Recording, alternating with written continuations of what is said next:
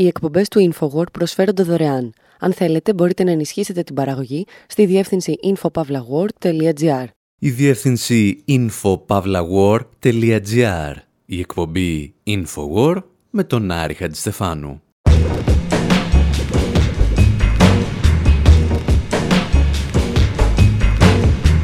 Όπου σήμερα υποστηρίζουμε ότι τους χιλιάδες ανθρώπους που πέθαναν στην τέρνα της Λιβύης δεν τους έπνιξε η κακοκαιρία και δύο φράγματα που κατέρευσαν, αλλά εμείς, οι απικιοκράτες.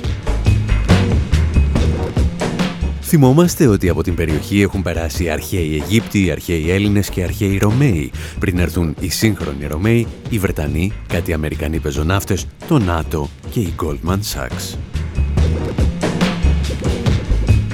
Θυμόμαστε επίσης κάτι Ιουγκοσλάβους μηχανικούς που τους έστειλε ο Τίτο να φτιάχνουν φράγματα τη δεκαετία του 70, αλλά δυσκολευόμαστε να θυμηθούμε άλλους λαούς που να πέρασαν από την τέρνα για να χτίσουν και όχι να γκρεμίσουν. This song goes out to the men and women who exemplify the words honor, courage, and commitment.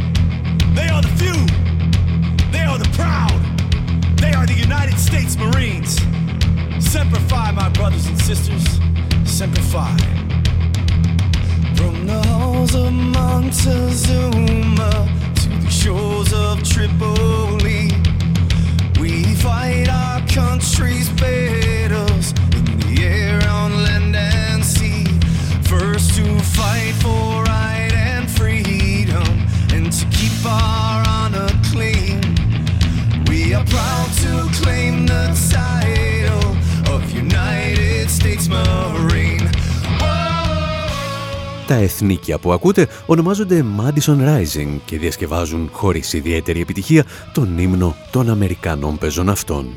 Πρόκειται για ένα ακροδεξιό αντιδραστικό συγκρότημα που υποστήριζε σε τραγούδια του ότι ο Μπαράκ Ομπάμα είναι ο Αντίχριστος. Οι Madison Rising αποτελούν μία ακόμη απόδειξη ότι ο εθνικισμός είναι το τελευταίο καταφύγιο των απατεώνων εάν ανήκει στην άρχουσα τάξη και το τελευταίο καταφύγιο των ηλιθείων αν ανήκει σε κατώτερα στρώματα. Και για να σας το εξηγήσουμε θα σας διηγηθούμε μία ιστορία για τον ύμνο των πεζών αυτών και τη Λιβύη.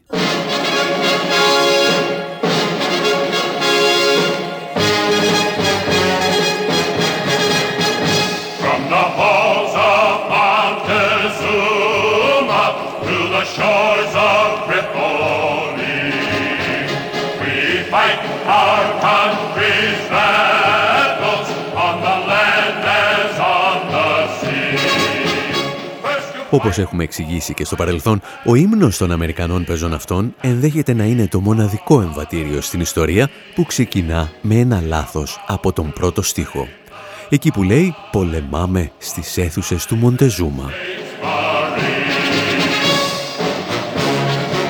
Ο στιχουργός είχε στο μυαλό του την μάχη του Τσαπούλτεπεκ στο Μεξικό, αλλά τα έκανε ολιγον θάλασσα. Τι είχε συμβεί; Το 1846 οι Ηνωμένες Πολιτείες εισβάλλουν στο Μεξικό διεκδικώντας περιοχές νότια και δυτικά του Τέξας. Ο Αμερικανο-Μεξικανικός πόλεμος κρίθηκε σε σημαντικό βαθμό με την εισβολή των Αμερικανών πεζοναυτών στο κάστρο του Τσαπούλτεπεκ, λίγο έξω από την πόλη του Μεξικού. Οι Αμερικανοί πεζοναύτες όμως νόμιζαν ότι το κάστρο το είχε χτίσει ο αυτοκράτορας των Αζτέκων Μοντεζούμα, ενώ στην πραγματικότητα το κάστρο χτίστηκε δύο αιώνες μετά το θάνατό του. Σήμερα πάντως μας ενδιαφέρει η αμέσως παρακάτω φράση στον ύμνο των πεζών αυτών, εκεί που λέει «Πολεμάμε και στις ακτές της Τρίπολης». Ουσιαστικά, ο ύμνος αναφέρεται στην περίφημη μάχη της Ντέρνα του 1805, η οποία πραγματοποιήθηκε στο πλαίσιο του Βερβερικού πολέμου ή αν προτιμάτε του πολέμου της Μπαρμπαριάς. Είναι η πρώτη φορά στην ιστορία που οι Αμερικανικές ένοπλες δυνάμεις επιχειρούσαν έξω από το Αμερικανικό έδαφος. Και δύο αιώνες αργότερα, επί προεδρίας Μπαράκ Ομπάμα, ο Αμερικανικός στρατός επέστρεψε στην περιοχή για να ισοπεδώσει ό,τι δεν είχε καταστρέψει το 1805. Γι' αυτό άλλωστε λέγαμε ότι οι Αμερικανοί εθνικιστές είναι οι λύθοι που δεν συμπαθούν έναν τόσο αιμοσταγή πρόεδρο, όπως ο Μπαράκ Ομπάμα. για την ιστορία στη μάχη της Ντέρνα στο πλευρό των Αμερικανών πεζοναυτών βρίσκονταν και Έλληνες μισθοφόροι. Απόδειξη ότι κάθε φορά που οι Ηνωμένες Πολιτείες βομβαρδίζουν κάποιο λαό της Νότιας Μεσογείου έχουν εξασφαλισμένη τη στήριξη του ελληνικού κράτους ή έστω του παρακράτους. Η Ντέρνα, όπως θα έχετε καταλάβει, είναι η πόλη που πνίγηκε στα μέσα Σεπτεμβρίου του 2023 όταν κατέρευσαν δύο φράγματα, δημιουργώντας ένα κύμα ύψους 7 μέτρων. Και εμείς σήμερα θα προσπαθήσουμε να ρίξουμε λίγο φως για να καταλάβουμε γιατί κατέρευσαν τα φράγματα και κυρίως γιατί σκοτώθηκαν τόσες χιλιάδες άνθρωποι. Θα πρέπει όμως να ξεκινήσουμε με αυτούς που έχτισαν τα φράγματα της Λιβύης μια ιστορία που μας ταξιδεύει στην Ιουγκοσλαβία του Τίτο.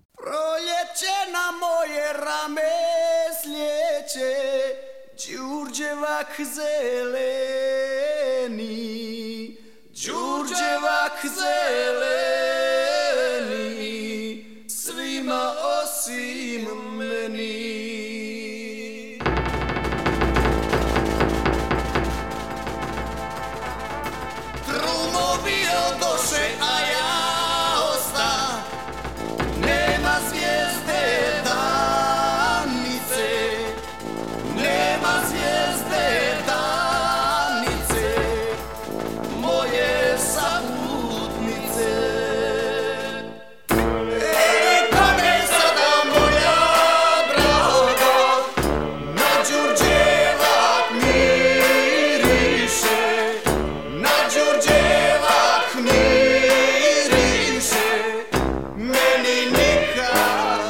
συγκρότημα Μπιγέλο Ντούκμε, που σημαίνει λευκό κουμπί, μας επιστρέφει στο Σεράγεβο των μέσων της δεκαετίας του 70, όταν είχαν για κιθαρίστα κάποιον κύριο Γκόραν Μπρέγκοβιτς. Οι Μπιγέλο Ντούκμε αποτελούν το εμβληματικότερο συγκρότημα της ροκ σκηνής της Γιουγκοσλαβίας και άνθησαν σε μια εποχή όπου μαζί τους άνθιζε και ολόκληρη η χώρα. Τοποθετημένη στον σκληρό πυρήνα του κινήματος των αδεσμεύτων, επιχειρούσε να κρατήσει ίσες αποστάσεις ανάμεσα στη Σοβιετική Ένωση και τις Ηνωμένες Πολιτείες. Και για να το πετύχει, αναζητούσε συμμάχους, αλλά και νέες αγορές σε χώρες όπως η Λιβύη του Μουαμάρ Καντάφη. Na poziv predsjednika Republike Josipa Broza Tita, generalni sekretar Generalnog narodnog kongresa Socijalističke narodne arapske libijske džamahirije, pukovnik Muamer El Gaddafi... Ο Καντάφη θα επισκεφθεί την πρώην Ιουγκοσλαβία του Τίτο και ο Τίτο θα ανταποδώσει την επίσκεψη, δημιουργώντας μια στενή σχέση ανάμεσα στις δύο χώρες. Τόσο στενή, ώστε τρεις φορές την εβδομάδα συνδέονταν με την απευθείας αεροπορική πτήση Σεράγεβο, Βελιγράδι, Τρίπολη. Με αυτές τις πτήσεις θα φτάσουν στη Λιβύη και εκατοντάδες γιατροί, αρχιτέκτονες, μηχανικοί, αλλά και απλοί εργάτες. Και ορισμένοι από αυτούς θα κατευθυνθούν προς την πόλη της Ντέρνα, στις ανατολικές ακτές της Λιβύης. Η περιοχή μαστίζονταν για αιώνες από συνεχείς πλημμύρες. Λέγεται μάλιστα ότι μία από αυτές που σημειώθηκε κατά τη διάρκεια του Δευτέρου Παγκοσμίου Πολέμου προκάλεσε τεράστια προβλήματα στις δυνάμεις του Γερμανού στρατηγού Ρόμελ, στα περίφημα Africa Corps. Οι Ιουγκοσλάβοι μηχανικοί όμως θα καταφέρουν να δαμάσουν τα στοιχεία της φύσης με την κατασκευή δύο φραγμάτων, τα οποία θα αλλάξουν για πάντα την γεωγραφία της περιοχής. Μέχρι τη στιγμή που σχεδόν μισό αιώνα αργότερα θα καταρρεύσουν, σπέρνοντας το θάνατο.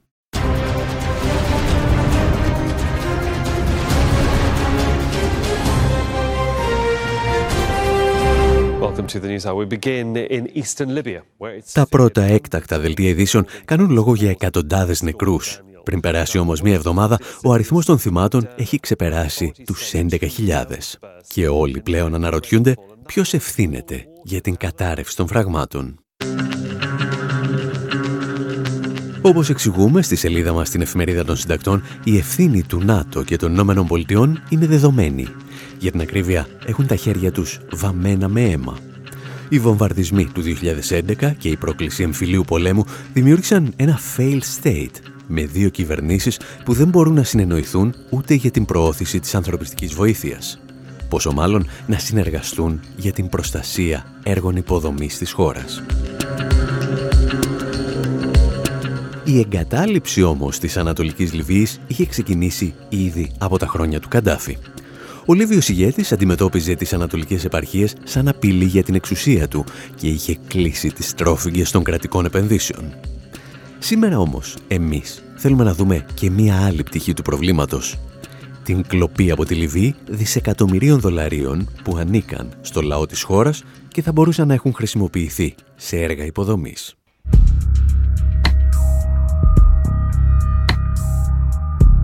20 Οκτωβρίου 2011, κατά τη διάρκεια συνέντευξης σε αμερικανικό τηλεοπτικό δίκτυο, η Αμερικανίδα Υπουργός Εξωτερικών λαμβάνει ένα μήνυμα στο κινητό της. Το επιτελείο της την ενημερώνει ότι ο δικτάτορας της Λιβύης, Μουαμάρ Καντάφη, είναι νεκρός. Και αυτή, ο άλλος Ιούλιος Κέσαρας, αναφωνεί «Ήλθον, είδον, πέθανε». We came, we saw, he died.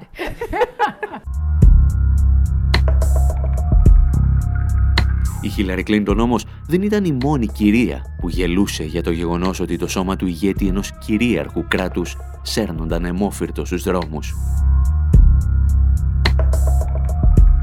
Πολύ πριν από την Κλίντον μπορούμε να υποθέσουμε ότι είχε γελάσει η κυρία Goldman Sachs Long before the US-led airstrikes against Libya's Muammar Gaddafi. Πολύ πριν ξεκινήσουν οι βομβαρδισμοί εναντίον της Λιβύης του Καντάφη υπό την καθοδήγηση των Ηνωμένων Πολιτειών, ο δικτάτορας ήταν στενός οικονομικός φίλος με μία από τις πιο κερδοφόρες αμερικανικές τράπεζες το 2008. Σύμφωνα με τη Wall Street Journal, η Goldman Sachs είχε προσφέρει στον Καντάφη την ευκαιρία να πάρει τεράστιο τμήμα των μετοχών της. Το έκανε όμως μόνο όταν έχασε το 98% λιβικού κεφαλαίου, ύψους 1,3 δισεκατομμυρίου δολαρίων που της είχαν δοθεί για επενδύσεις.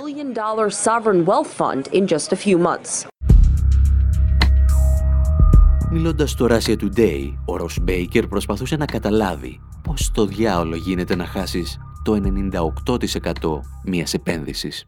They lost a staggering percentage. I don't know how you lose 98% of something. It was Έχασαν ένα τεράστιο ποσοστό. Δεν ξέρω πώς μπορεί να χάσει το 98% ενός ποσού. Είχαν ποντάρει σε options ευρωπαϊκών τραπεζών και επιχειρήσεων ενέργειας, οι μετοχές των οποίων βυθίστηκαν. Το βέβαιο είναι ότι η Goldman Sachs άρχισε να αντιμετωπίζει τον Καντάφη σαν χρυσορυχείο.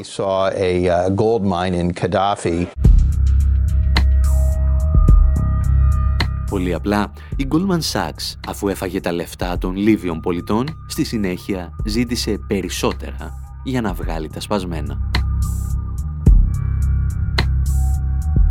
Μήπως αυτό δεν συμβαίνει όμως κάθε φορά που ένας εξονημένος ηγέτης και η αυλική του αποφασίζουν να συνεργαστούν με τη συγκεκριμένη τράπεζα; Ο λογαριασμός του παράνομου ή του απεχθούς χρέους καταλήγει πάντα στους πολίτες.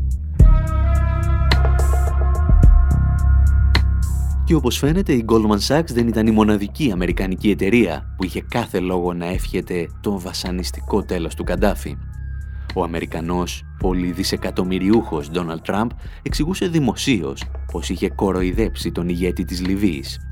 Πάντα με τις πλάτες μιας αυτοκρατορίας. American real estate and reality show tycoon Donald Trump boasts that he lied to... Ο μεγιστάνας του real estate και των reality show Donald Trump πενεύεται ότι είπε ψέματα και κορόιδεψε τον ηγέτη της Λιβύης στο παρελθόν.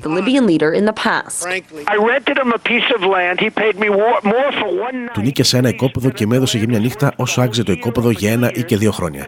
Και ύστερα δεν τον άφησε να το χρησιμοποιήσει. Δεν θέλω να χρησιμοποιήσω τη λέξη πίδημα, αλλά τον πήδηξα. Τώρα ορισμένοι υποστηρίζουν ότι έχει έρθει η σειρά της Wall Street να πηδήξει το λαό της Λιβύης.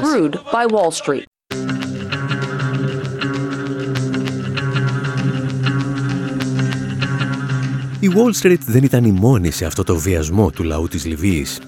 Πριν από την ανατροπή του Καντάφη, πολλές χώρες και τραπεζικά ιδρύματα σε όλο τον κόσμο πάγωσαν τις καταθέσεις της οικογένειάς του, υποστηρίζοντας ότι πρόκειται για κλεμμένα χρήματα του λιβικού λαού από τα έσοδα των πωλήσεων πετρελαίου. Μόνο που μετά την ανατροπή του δικτάτορα, πολλοί ξέχασαν να επιστρέψουν αυτά τα χρήματα. Τα συζητούσαμε αν θυμάστε και πριν από τέσσερα χρόνια, όταν τα διεθνή μέσα ενημέρωσης μετέφεραν πληροφορίες σαν και αυτές. Details have emerged of where Colonel Gaddafi had put billions of Libya's oil earnings. Νέες λεπτομέρειες για το που έχει τοποθετήσει ο Καντάφη τα δισεκατομμύρια από τα έσοδα του πετρελαίου της Λιβύης είδαν το φως της δημοσιότητας. Η οργάνωση Global Witness, μια ομάδα κατά της διαφθοράς, λέει ότι έχει στα χέρια της τα αρχεία με τις τράπεζες που κατέχουν 38 δισεκατομμύρια ευρώ του Καντάφη. Η γαλλική Societe Generale φέρεται να έχει πάνω από 700 εκατομμύρια ευρώ. Άλλες επενδυτικές τράπεζες της Δύσης που λέγεται ότι συγκέντρωσαν τον πλούτο από το πετρέλαιο της Λιβύης είναι η Goldman Sachs στις ΗΠΑ, η Νομούρα στην Ιαπωνία και στο Λονδίνο η Βασιλική Τράπεζα της Σκωτίας. Επίσης η HSBC που λέγεται ότι έχει πάνω από 200 εκατομμύρια ευρώ. Επιπλέον υπάρχουν οι καταθέσεις των επενδυτικών αρχών της Λιβύης αξίας 13,5 δισεκατομμυρίων δολαρίων σε τράπεζες της Λιβύης και της Μέσης Ανατολής. Πολλά από τα περιουσιακά τους στοιχεία πάγωσαν λόγω διεθνών κυρώσεων το Φεβρουάριο.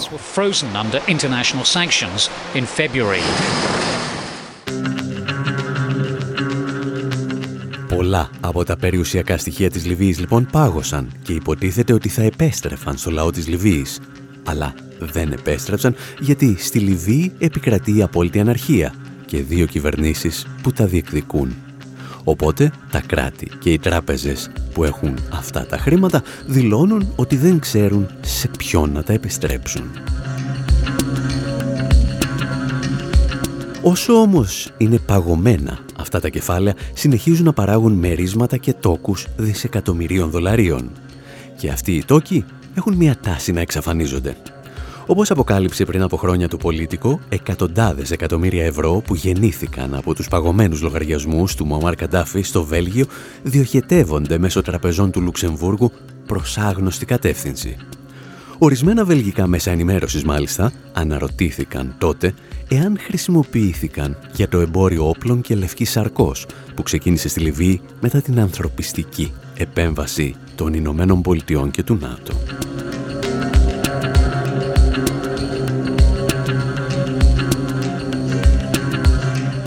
Πριν από δύο αιώνες λοιπόν, οι Ηνωμένες Πολιτείες πραγματοποίησαν την πρώτη τους πολεμική εκστρατεία στο εξωτερικό εναντίον της Λιβύης.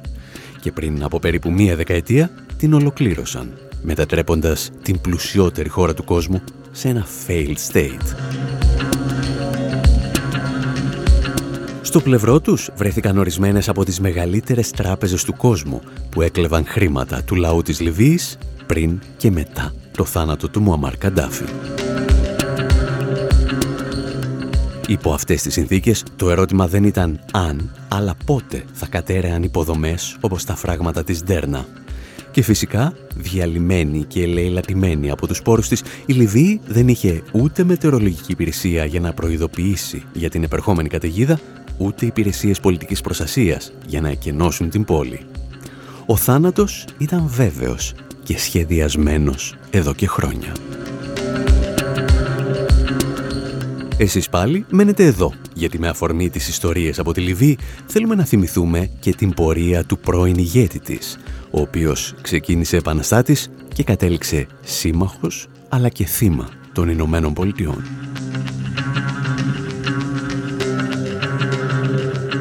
Οι εκπομπές του InfoWord προσφέρονται δωρεάν. Αν θέλετε μπορείτε να ενισχύσετε την παραγωγή στη διεύθυνση infopavlagor.gr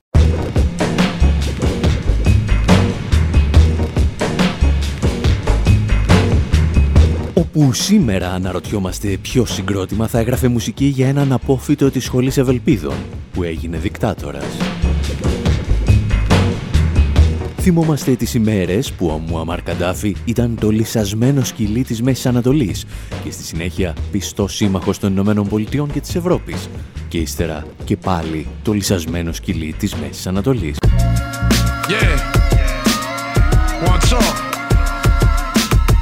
Yeah. Yeah. Ο Αμερικανο-Ιταλός ράπερ Βίνι Πάζ συναντά τον Αμερικανο-Περουβιανό ράπερ Immortal Technique και μαζί τραγουδούν μεταξύ άλλων για τον Μουαμάρ Καντάφη.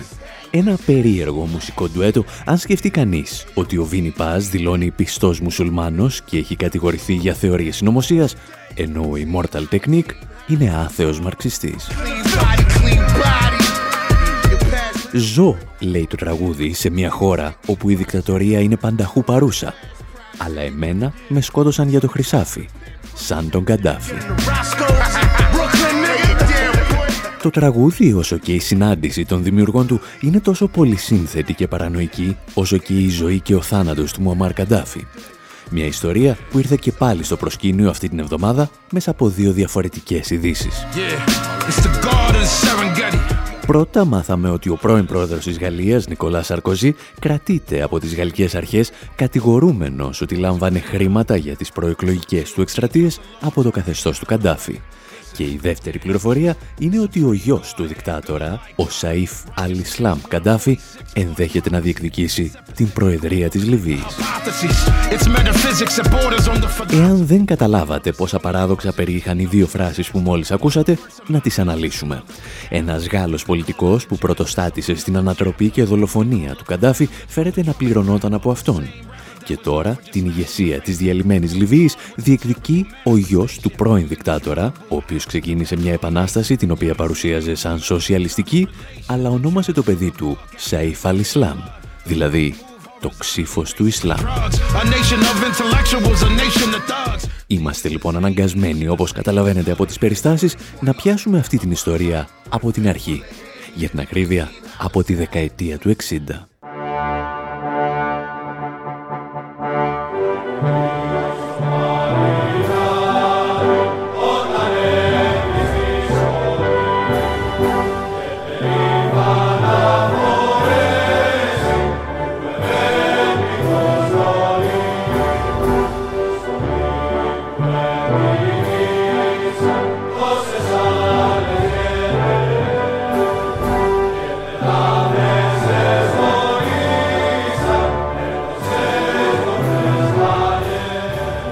Αθήνα μέσα της δεκαετίας του 60.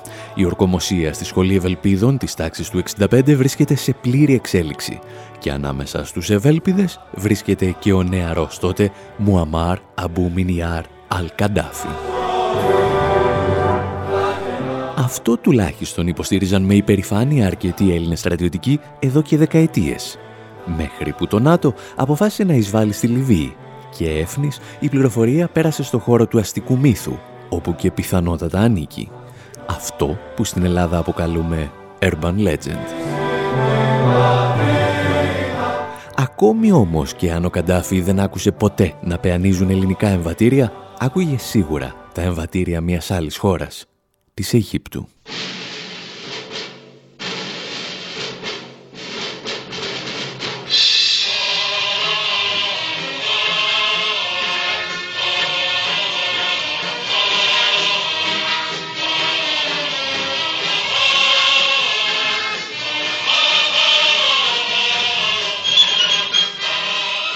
Κάπου εκεί, στα μέσα της δεκαετίας του 60, ο Καντάφη, όπως και δεκάδες άλλοι Λίβοι αξιωματικοί, συντονίζονταν στο ραδιοσταθμό του Καΐρου και από τα βραχαία άκουγαν τις ομιλίες του Προέδρου Νάσερ.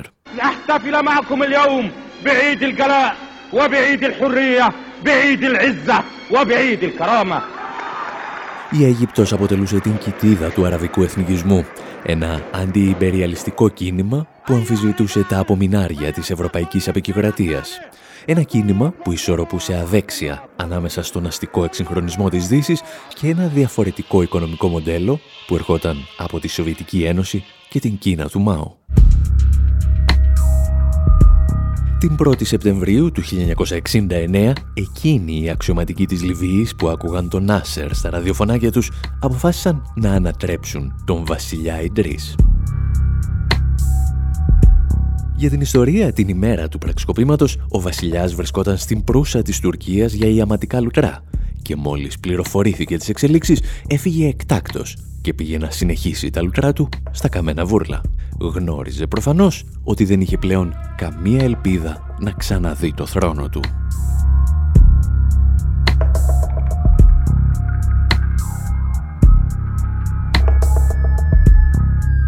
Ο Καντάφη θα αναδειχθεί σε ηγετική προσωπικότητα του πραξικοπήματος. Μια διόλου δημοκρατική διαδικασία, η οποία όμως στα χρόνια του αντιαπικιακού αγώνα είχε και ορισμένα επαναστατικά χαρακτηριστικά. Τα εξηγούσε πριν από χρόνια ο Χαμίντ Νταμπασί, συγγραφέας και καθηγητής διεθνών σχέσεων στο Πανεπιστήμιο Κολούμπια της Νέας Υόρκης. This is a period of post-colonial uh, European domination of North Africa, the French, the Italian, uh, uh, the British. Πρόκειται για την εποχή αμέσως μετά την κυριαρχία της Ευρωπαϊκής Απικιοκρατία που ασκούσαν οι Γάλλοι, οι Ιταλοί και οι Βρετανοί. Ο Καντάφη, λοιπόν, ω ηγέτη ενός μεταπικιακού κράτους, τοποθέτησε τον εαυτό του ανάμεσα στους μεγάλους επαναστάτες του πλανήτη. Το ίδιο συνέβαινε βέβαια και σε αρκετές ακόμη χώρες της περιοχής. Καθ' όλη τη διάρκεια της δεκαετίας του 70 κατάφερε να διατηρήσει αυτή την εικόνα, κυρίως απέναντι σε προοδευτικά κινήματα και ομάδες της ριζοσπαστική αριστεράς στην Ευρώπη και τη Λατινική Αμερική. Σε ορισμένες περιπτώσεις, μάλιστα, χρηματοδοτούσε σε ένα βαθμό αυτά τα κινήματα και είχε καταλητική επίδραση επάνω τους.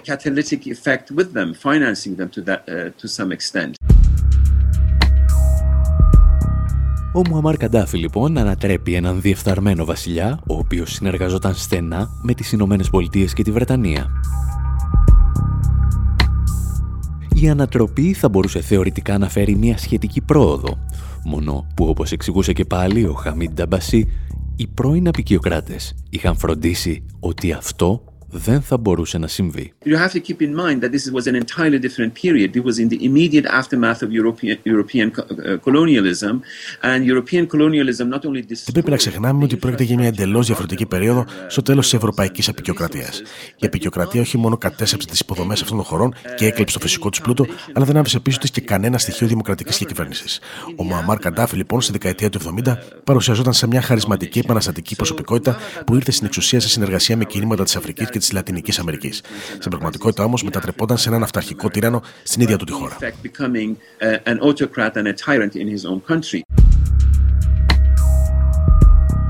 Ο Καντάφη λοιπόν μετατρέπεται σταδιακά σε ένα τύρανο, με τη διαφορά ότι χάρη στο πετρέλαιο που διαθέτει η χώρα του εξασφαλίζει ένα στοιχειώδες κοινωνικό συμβόλαιο με τους πολίτες του. Ή, αν προτιμάτε, εξαγοράζει τα ατομικά και συλλογικά δικαιώματά τους και μαζί την ίδια τη δημοκρατία. Ενώ όμως αυτά συμβαίνουν στο εσωτερικό της Λιβύης, ο υπόλοιπος κόσμος έχει διαφορετικές ιστορίες να διηγηθεί. Ιστορίες που θα μπορούσαν να χωρέσουν σε μια ηλεκτρονική όπερα, το Asian Dub Foundation.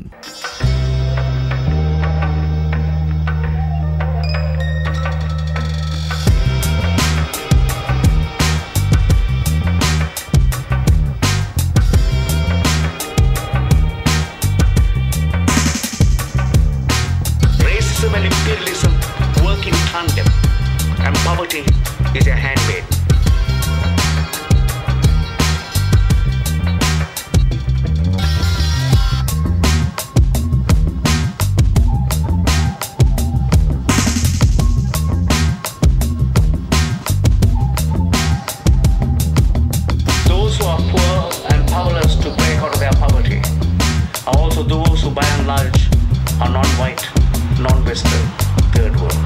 Poverty and powerlessness are intertwined in color, in race.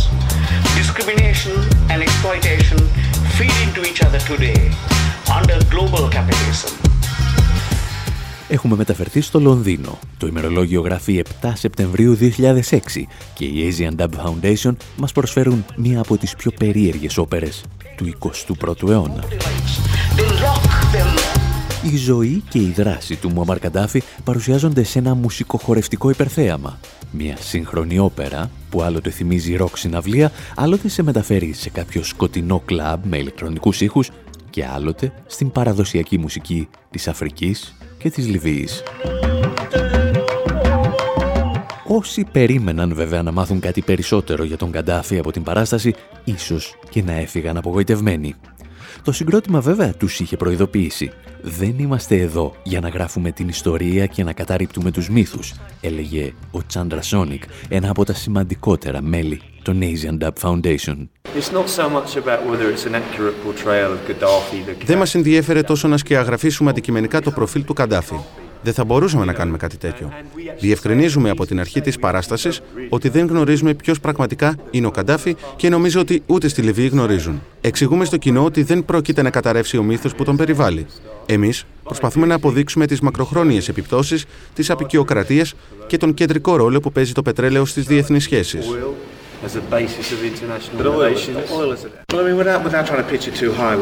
Χωρίς να θέλω να κάνω συγκρίσεις. Θα έλεγα ότι δεν πηγαίνουμε να δούμε το Ριχάρδο το δεύτερο του Σέξπιρ για να μάθουμε ποιος ήταν ο Ριχάρδος ο δεύτερος. Πηγαίνουμε γιατί ο Σέξπιρ στείνει ένα θέμα με βάση τη ζωή του Ριχάρδου, το οποίο είναι ακόμη και σήμερα επίκαιρο.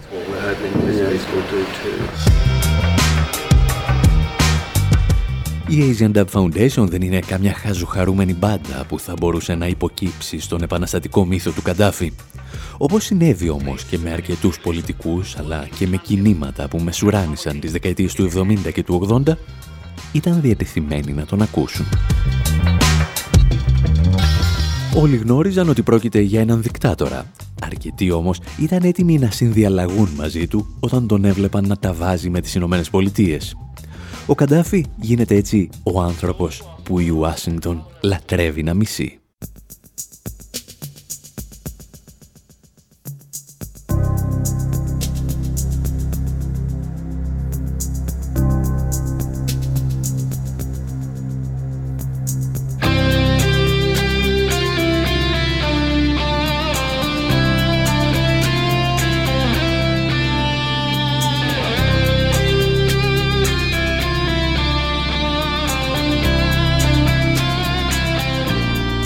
Ο Ρόναλντ Ρίγκαν θα του δώσει το παρατσούκλι το λυσασμένο σκυλί της Μέσης Ανατολής και το Hollywood αποτυπώνει τις αερομαχίες με τη λιβική πολεμική αεροπορία σε ταινίες όπως το Top Gun.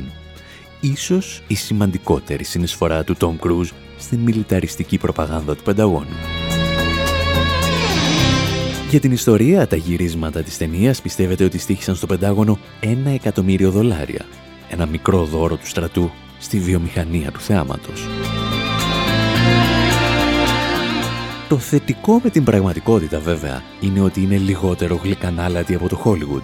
Το αρνητικό είναι ότι συνήθως είναι και πολύ πιο αιματήρη.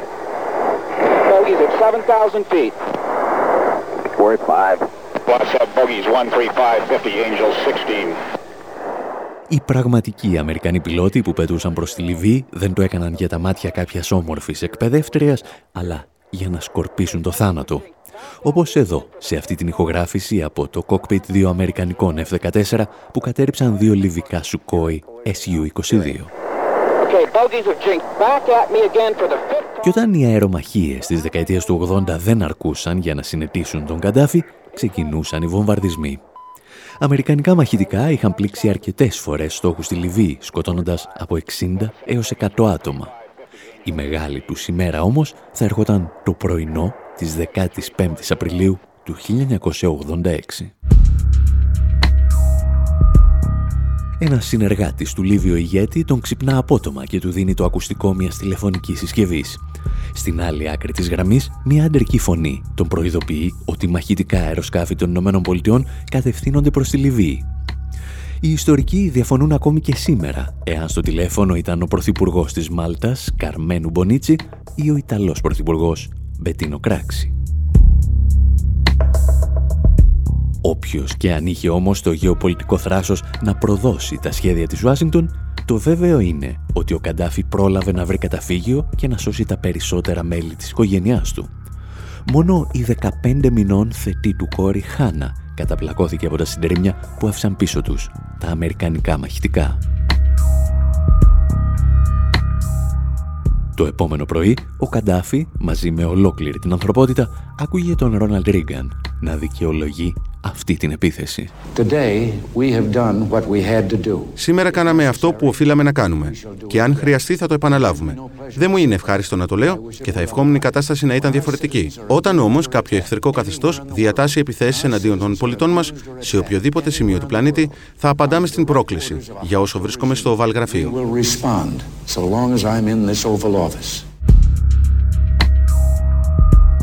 Η δικαιολογία που ζητούσε ο Ρίγκαν για να βομβαρδίσει τη Λιβύη είχε έρθει στις 5 Απριλίου, όταν άγνωστοι τοποθέτησαν βόμβα σε γερμανική δισκοτέκ, από την οποία σκοτώθηκε ένας Αμερικάνος στρατιώτης και τραυματίστηκαν τουλάχιστον 60. Ο Καντάφη καταδίκασε αμέσως την επίθεση. Την ευθύνη ανέλαβαν δύο γερμανικές τρομοκρατικές οργανώσεις. Αλλά αυτά ήταν ψηλά γράμματα για το Λευκό Οίκο. Η Λιβύη απειλούσε με τη στάση της να δυναμητήσει το πνεύμα των συμφωνιών του Καπ Ντέιβιτ, με το οποίο το Ισραήλ είχε εξασφαλίσει την υποταγή της Αιγύπτου. Παράλληλα, η Τρίπολη φλέρταρε όλο και πιο έντονα με την Τεχεράνη. Επαρκείς λόγοι για να θέλει ο Ουάσιντον να σβήσει τον Λίβιο ηγέτη από το χάρτη. Η Δύση θα συνεχίσει να κατηγορεί τον Καντάφη για σειρά βομβιστικών επιθέσεων, είτε έχει επαρκή στοιχεία για να στηρίξει τις κατηγορίες, είτε όχι. Μέχρι τη στιγμή που το λυσασμένο σκυλί της Μέσης Ανατολής θα παραδώσει ευνηδιαστικά τα όπλα.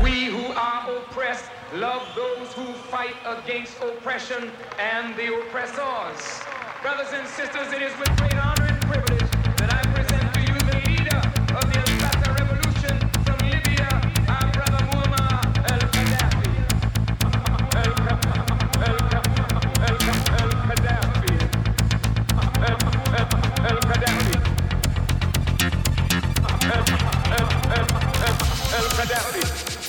Front 242 από το Βέλγιο που λέγεται ότι επηρέασαν σημαντικά την ηλεκτρονική μουσική παρουσιάζουν ίσως την μεγαλύτερη συναυλιακή τους επιτυχία, το Φουνκαντάφι.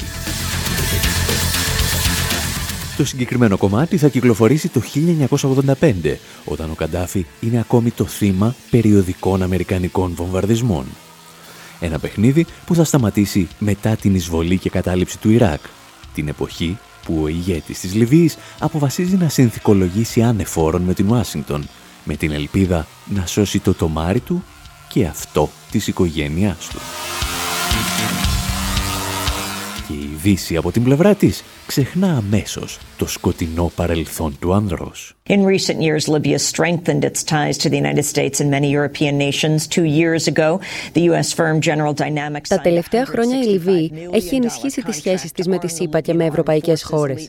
Πριν από δύο χρόνια, η αμερικανική εταιρεία General Dynamics υπέγραψε συμβόλαιο 165 εκατομμυρίων δολαρίων για να εξοπλίσει τη δεύτερη ταξιαρχία του Λιβικού στρατού. Παράλληλα, η Halliburton, η Shell, η Raytheon, η Dow Chemical και η Chevron έγιναν μέλη της Αμερικανολιβικής Ένωσης Επιχειρηματιών. Τέλος, το 2009 αποκαλύφθηκε ότι ο Βρετανικός στρατός εκπαίδευε τις ειδικές δυνάμεις του στρατού της Λιβύης σε τεχνικές αντιμετώπισης τρομοκρατικών επιθέσεων.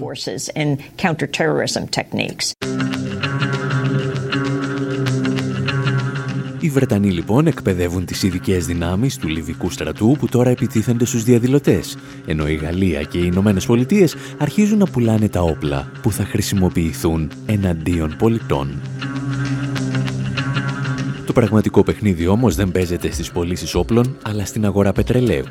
Και εκεί οι Ευρωπαίοι έχουν τον πρώτο λόγο. Το BBC λόγου χάρη μας θύμιζε παλαιότερα τις business που έκλεινε ο Τόνι Μπλερ με τον Καντάφη για λογαριασμό της BP. Then finally the way was reopened for massive trade deals with Libya. Ο δρόμος άνοιξε και πάλι για τεράστιες εμπορικές συμφωνίες με τη Λιβύη. Ο Τζορτζ Μπούς και ο Τόνι Μπλερ ενίσχυσαν τις σχέσεις με τη Λιβύη. Ο Βρετανός Πρωθυπουργός επισκέφτηκε την Τρίπολη το 2004 για να επιβλέψει συμφωνία ενεργειακής συνεργασίας με τον εντοπισμό κοιτασμάτων πετρελαίου και φυσικού αερίου με την BP.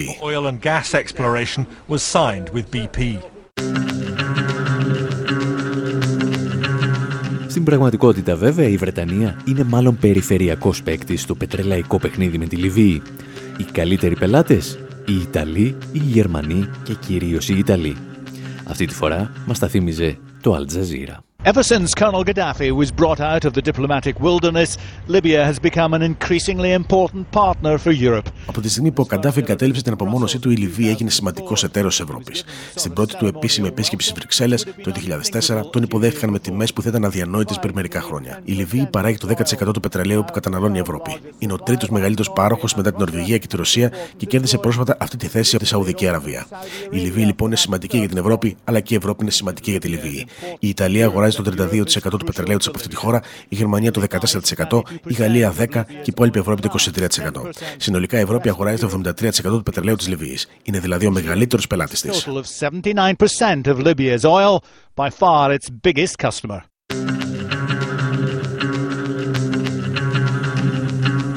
Τα χρυσά συμβόλαια όμως με τις χώρες της Δύσης δεν θα καταφέρουν τελικά να σώσουν τον Λίβιο ηγέτη ο Μουαμάρ Καντάφη θα περάσει στη ζωή του από όλες τις φάσεις στις οποίες μπορεί να βρεθεί ένας ηγέτης της ευρύτερης Μέσης Ανατολής. από αντιυμπεριαλιστής επαναστάτης σε συνεργό των υπεριαλιστών αλλά και σε θύμα του υπεριαλισμού. Απόδειξη μάλλον ότι αν έχεις βρεθεί στη λάθος πλευρά της αμερικανικής ιστορίας έστω και για λίγο, καλύτερα να παραμείνεις εκεί. Γιατί η ανεφόρον συνθηκολόγηση δεν έσωσε ποτέ κανέναν. Εμείς πάλι κάπου εδώ θα σας αφήσουμε και για αυτή την εβδομάδα. Περισσότερα για τα αίτια της τραγωδίας στην τέρνα της Λιβύης με την οποία ξεκινήσαμε αυτή την εκπομπή θα βρείτε στη σελίδα μας στην εφημερίδα των συντακτών. Περισσότερα γενικά θα βρείτε στη σελίδα μας info.pavlawar.gr Μέχρι την επόμενη εβδομάδα από τον Άρχα Στεφάνου στο μικρόφωνο και τον Δημήτρη Σταδόπουλο στην τεχνική επιμέλεια, γεια σας και χαρά σας.